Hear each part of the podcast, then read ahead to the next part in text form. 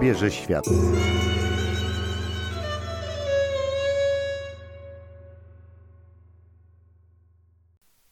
Serdecznie witam w kolejnym odcinku z cyklu Obierze Świat. Przy mikrofonie Anna Janczyk, a moim gościem jest Iwona Sapeta. Dzień dobry. Cześć Iwono, witam serdecznie.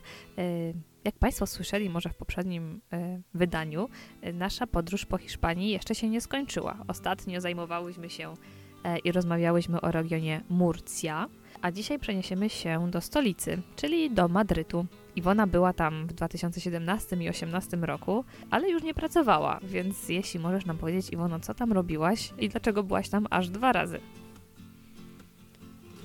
Może zacznę od tego, że kiedyś jak spotkałam Anglika na jednym ze spotkań w, w Madrycie, powiedział on, że Madryt jest takim miejscem, do którego jak już raz się przyjedzie, to albo zostaje się na zawsze, albo w magiczny sposób tak przyciąga, że wraca się kilkukrotnie.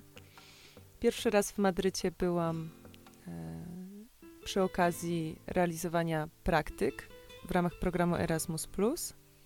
Były to praktyki realizowane za pośrednictwem Akademii Muzycznej w Krakowie, gdzie wówczas studiowałam śpiew operowy. I chciałam dobrze wykorzystać wakacyjny czas, żeby i dobrze się bawić, i podszkolić trochę język, i też czegoś się nauczyć. Dlatego uzyskało, udało mi się dostać na praktyki do Instytutu Polskiego w Madrycie. Jest to instytut, który jest jedną z jednostek ambasady Rzeczypospolitej Polskiej w Hiszpanii i zajmuje się on, jak sama nazwa wskazuje, promocją polskiej kultury. Na początku nie wiedziałam, na czym ta promocja miałaby polegać, ale byłam bardzo pozytywnie zaskoczona, jak wyglądała ta praca, ponieważ myślę, że nie, ja, ja na początku o tym nie wiedziałam i też może, być może to zaskoczy naszych słuchaczy, że na przykład tłumaczone tomiki poezji Wisławy Szymborskiej były dodrukowywane do bardzo popularnych gazet na temat kultury i sztuki w Hiszpanii. Była też tam promowana e, polska historia, bardzo była mm, popierana, mm, bardzo była wspierana wspólnota Polaków w Hiszpanii. A ty czym zajmowałaś się w tym instytucie? Co należało do Twoich obowiązków? Ja tak naprawdę wspierałam wszystkie działy, które, które tam się znajdowały. Oczywiście tam gdzieś porządkowałam dokumentację, czasami pisałam jakieś artykuły na stronę Instytutu Polskiego w Madrycie. Ponieważ ta strona jest dwujęzyczna, więc pisałam artykuły po hiszpańsku i, i po polsku. Uczestniczyłyśmy, bo tam dostałam się razem z inną studentką e, języka hiszpańskiego. Uczestniczyłyśmy w różnych wydarzeniach kulturalnych mm, Instytutu. Co też było dla mnie ciekawe, został zorganizowany kurs języka polskiego dla osób, które miały się wybierać na Erasmusa do Polski, więc to też było takie bardzo ciekawe doświadczenie zobaczyć, jak Hiszpanie sobie, z z jak z drugiej strony, jak Hiszpanie sobie radzą e, z nauką języka polskiego i szczerze powiedziawszy byłam bardzo pozytywnie zaskoczona, bo nasz język jest oczywiście bardzo trudny. Generalnie praca polegała na wspieraniu wszystkich pomniejszych działów w tym instytucie. Był tam, były tam osoby odpowiedzialne za promowanie historii, były osoby odpowiedzialne za promowanie muzyki polskiej, polskich kompozytorów, polskich twórców, ale nie tylko. Byli też na przykład Hiszpanie, którzy chcieli promować muzykę polską. E, kolejny raz byłaś w Madrycie w 2018 roku, ale wtedy już nie na, nie na stażu, nie w Instytucie Kultury Polskiej, tylko tak, wzięłam udział e, ponownie w projekcie Erasmus Plus i wyjechałam na studia na pół roku. To było również wówczas, kiedy byłam studentką Akademii Muzycznej w Krakowie. I tym razem postanowiłam uczyć się śpiewu, spróbować uczyć śpiewu gdzie indziej, więc e, złożyłam swoją aplikację do Escuela Superior de Canto de Madrid, czyli do takiej szkoły śpiewu w Madrycie, która w sumie jest odpowiednikiem uczelni wyższej, mimo że nazywa się szkoła. I to było dla mnie dużym zaskoczeniem, ponieważ była to tylko i wyłącznie uczelnia śpiewu, więc tam wszystko było dostosowane tylko i wyłącznie do nauki y, śpiewu klasycznego. Była to szkoła, która mieściła się w centrum Madrytu i tak naprawdę to był pałac, który został niegdyś ofiarowany na potrzeby nauczania muzyki. Taki był warunek tej rodziny Bauer, że pałac może być oddany do użytku publicznego tylko i wyłącznie wtedy, kiedy będzie on służył muzykom. To musi być całkiem ciekawe, uczyć się śpiewać w innym państwie. Myślę, że dla ciebie nie było to też takim problemem, bo hiszpański znałaś dobrze, więc już tutaj ta bariera językowa przynajmniej może nie była takim utrudnieniem. Ale czy faktycznie ten sposób śpiewania albo nauczania śpiewu różni się od tego, jak uczą śpiewu operowego w Polsce? Zdecydowanie tak, są dość duże różnice. Hiszpanie bardzo dużą wagę przywiązują do tego, żeby uczyć się zarówno śpiewać opery, jak i sarsuele. Sarsuela to jest taka forma muzyczna, która ma naprzemiennie e, fragmenty mówione i śpiewane, dochodzi do tego też taniec. Moim zdaniem sarsuela jest dość wymagającym gatunkiem wokalnym.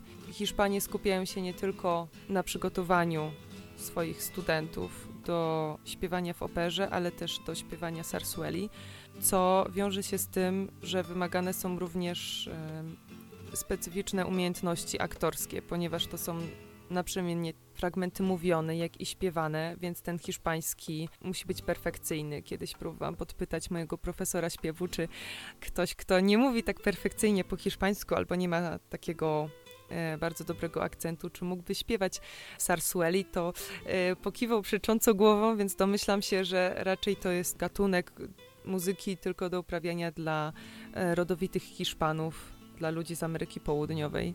Sarsuela to jest e, taka forma muzyczna, ona ma typowe, typowo zabarwienie hiszpańskie. Bardzo często pojawiają się tam akcenty folklorystyczne, jest to bardzo widoczne w muzyce. Ta faktura muzyczna często jest e, dość prosta, nie jest tak zawiła.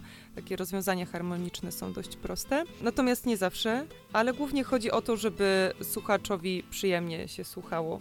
Żeby to była forma dość prosta i lekka w odbiorze. O to głównie w Sarsueli chodzi. Czyli chodzi im o to, o co nam w naszym radiu widok, żeby słuchaczowi przyjemnie się słuchało. Wróćmy jednak do Madrytu, do samego miasta. Tak jak już wspominaliśmy, jest to stolica, więc z pewnością, jak w przypadku innych państw, różni się zdecydowanie od e, pozostałych regionów. Zakładam, że żyje się tam szybciej niż na prowincji, więcej stawia się na karierę. E, no ale jak tobie żyło się w Madrycie? Madryt jest zdecydowanie moją ulubioną stolicą do życia i do mieszkania. Wbrew temu, co mówią wszyscy Hiszpanie na temat Madrytu, że jest to miasto szybkie, którym żyje się w pośpiechu, w którym ludzie skupiają się na pracy i na karierze. Mi się żyło bardzo dobrze, ponieważ to było. Ja mam takie spojrzenie z perspektywy Polaka, który mimo wszystko jest Polaka, Polki, który jest w, w Hiszpanii i dla mnie to tempo było i tak dużo wolniejsze niż to, które prowadziłam e, w, w Polsce, niż to, nawet niż to, które przykładowo prowadzi się w Warszawie.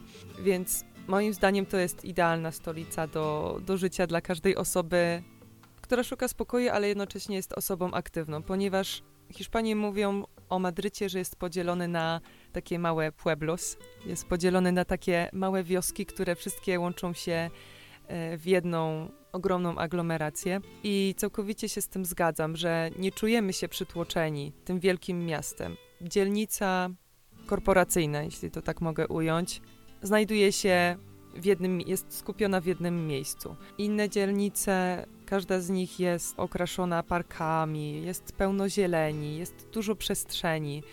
Wszędzie można bardzo szybko i sprawnie dojechać metrem. Bardzo często można zobaczyć jakieś starsze osoby w, każdym, w każdej z tych dzielnic, i które mają jakaś babcia, która wychodzi, która ma swój warzywniak, ma swój kiosk. Coś takiego wydaje mi się, że rzadziej się zdarza w innych stolicach, przynajmniej tak, tak to odczułam, że jednak ludzie tam czują się swojsko, po prostu czują się dobrze i i naprawdę nie ma takiego pośpiechu, nawet jak na stolicę, e, nie ma takiego pośpiechu jak w Polsce czy jak w innych stolicach e, Europy. A co jako turysta e, mogę w Madrycie zobaczyć? Co jest takim miejscem, do którego trzeba koniecznie zajrzeć? Myślę, że Madryt jest jednym z tych nie, nieprzyjemnych stolic dla wielu turystów, którzy chcieliby je zwiedzić w jeden dzień albo w trzy, bo tak naprawdę jak byłam za pierwszym razem w Madrycie przez dwa miesiące, naprawdę nie zobaczyłam wszystkiego, co mogłam zobaczyć. Dopiero odkryłam bardzo dużo ciekawych dzielnic, e, miast też wokół Madrytu, które są naprawdę magiczne, niesamowite i nadają koloryt e, temu, temu państwu i można sobie wyrobić jakieś, jakąś prawdziwą, rzeczywistą wizję e, tego państwa i tego miasta. No jako miłośniczka opery to oczywiście odsyłam na pierwszym miejscu do, do Teatro Real, czyli do opery. No jest to miejsce cudowne, magiczne. Um, też miałam okazję, jak byłam za pierwszym razem w Madrycie, być oprowadzana przez przewodnika po operze, który to opowiadał, że ta opera jest osadzona, była osadzona na takiego rodzaju glebie, że trzeba było zapobiec temu, żeby budynek się nie rozpadł. Więc konstrukcja tego budynku jest tak solidna, ma tyle pięter jakby w głąb ziemi i jest w ten sposób skonstruowana, żeby, żeby po prostu budynek trzymał się w ryzach. Na pewno też polecam pojechać do okolicznych miast i wiosek, żeby zobaczyć, co tam się dzieje. Tam naprawdę są przepiękne perełki architektoniczne. Z tych miast, jakie mogę polecić, to właśnie Getafe, Alcalá de Henares, Toledo, Segovia, też Cuenca. Także naprawdę jest masa rzeczy, które można zobaczyć. A z tych miast, które wymieniłaś, jeśli nie mamy czasu, mamy jeden dzień poza Madrytem, które warto zobaczyć? Które z nich dla Ciebie e, było najciekawsze, najbardziej interesujące? Myślę, że miastem, które najbardziej mogę polecić jest Toledo. Polecam w szczególności Alcázar, pałac, klasztor San Juan de los Reyes, Santa Cruz Hospital, Dom El Greco i oczywiście most Puente de San Martin. Ale tak ogólnie, jeżeli tak jak wcześniej wspomniałaś, mamy jeden dzień, to jest tak małe i klimatyczne miasteczko, że wszystko spokojnie możemy zobaczyć spacerując po prostu głównymi ulicami miasta. Wiemy już, że e, studiowałaś śpiew operowy w Hiszpanii e, i że ten sposób nauczania różni się od tego w Polsce. Ale jak wyglądały e, zajęcia, takie zwykłe zajęcia codzienne na uczelni? To, co najbardziej mnie zaskoczyło i to bardzo pozytywnie w tej szkole, to był fakt, że no właśnie tak jak wcześniej wspomniałam, to była szkoła przystosowana stricte do nauczania śpiewu solowego, śpiewu klasycznego i cała kadra profesorów była przystosowana do tego, żeby właśnie pod tym kątem nas przygotować, pod kątem pracy na scenie. Były zajęcia aktorskie, były zajęcia z języków obcych, wszystkie podstawy wszystkich najważniejszych języków obcych e, w operze, czyli język włoski, język francuski, język niemiecki. Bardzo mi się też podobały zajęcia z reżyserem operowym. Mianowicie mieliśmy jeżeli śpiewaliśmy jedną arię wybraną z opery, to mieliśmy wiedzieć wszystko na temat całej opery, e, wszystko na temat postaci. Zastanawialiśmy się nad tą postacią przed zajęciami, jaka ona jest, co ona przeżywa, jakie ma relacje z innymi osobami, innymi postaciami w operze i razem z pomocą innych kolegów, którzy również znajdowali się wtedy na zajęciach, staraliśmy się tworzyć tą postać na gotowej e, już wokalnie arii. Więc te zajęcia były najbardziej wzbogacające moim zdaniem. E, jak możecie usłyszeć, drodzy słuchacze, e, Erasmus daje ogromne możliwości i my tylko wszyscy chyba czekamy, żeby już świat wrócił do normalności i żeby studenci dalej mogli wymieniać się i wyjeżdżać na, na wymiany do różnych krajów, bo jest to na pewno coś bardzo ubogacającego i zmieniającego też perspektywę patrzenia nie tylko na przede wszystkim na świat, ale też na swoje studiowanie, na swoje mm, przyszłe wykształcenie, więc serdecznie wszystkim, wszystkim polecamy wyjazdy na Erasmusa, czy to na wymiany międzynarodowe młodzieżowe, czy też na wymiany studenckie, ale również praktyki i staże. Myślę, że e, Iwona tutaj ze mną się zgodzi w pełni, że jest to coś, czego no, nie można zastąpić z studiowaniem po prostu w swoim kraju. E, I, i na pewno zmienia bardzo dużo w życiu każdego człowieka. Dokładnie. Zachęcam wszystkich do wyjazdu, do brania udziału nie tylko w studiach w ramach programu Erasmus, ale też mało osób wie, że jest możliwość praktyk, le praktyk letnich, że jest też możliwość wyjazdu po studiach na praktyki czy do pracy, więc jakby tych możliwości, które oferuje Erasmus jest bardzo dużo, a osób, które startują jest stosunkowo tak mało, że wydaje mi się, że na większości uczelni dość łatwo dostać się na takiego Erasmusa. Serdecznie dziękuję po raz kolejny za spotkanie e, i za to, że mogłyśmy porozmawiać o przepięknej Hiszpanii, e, pełnej słońca.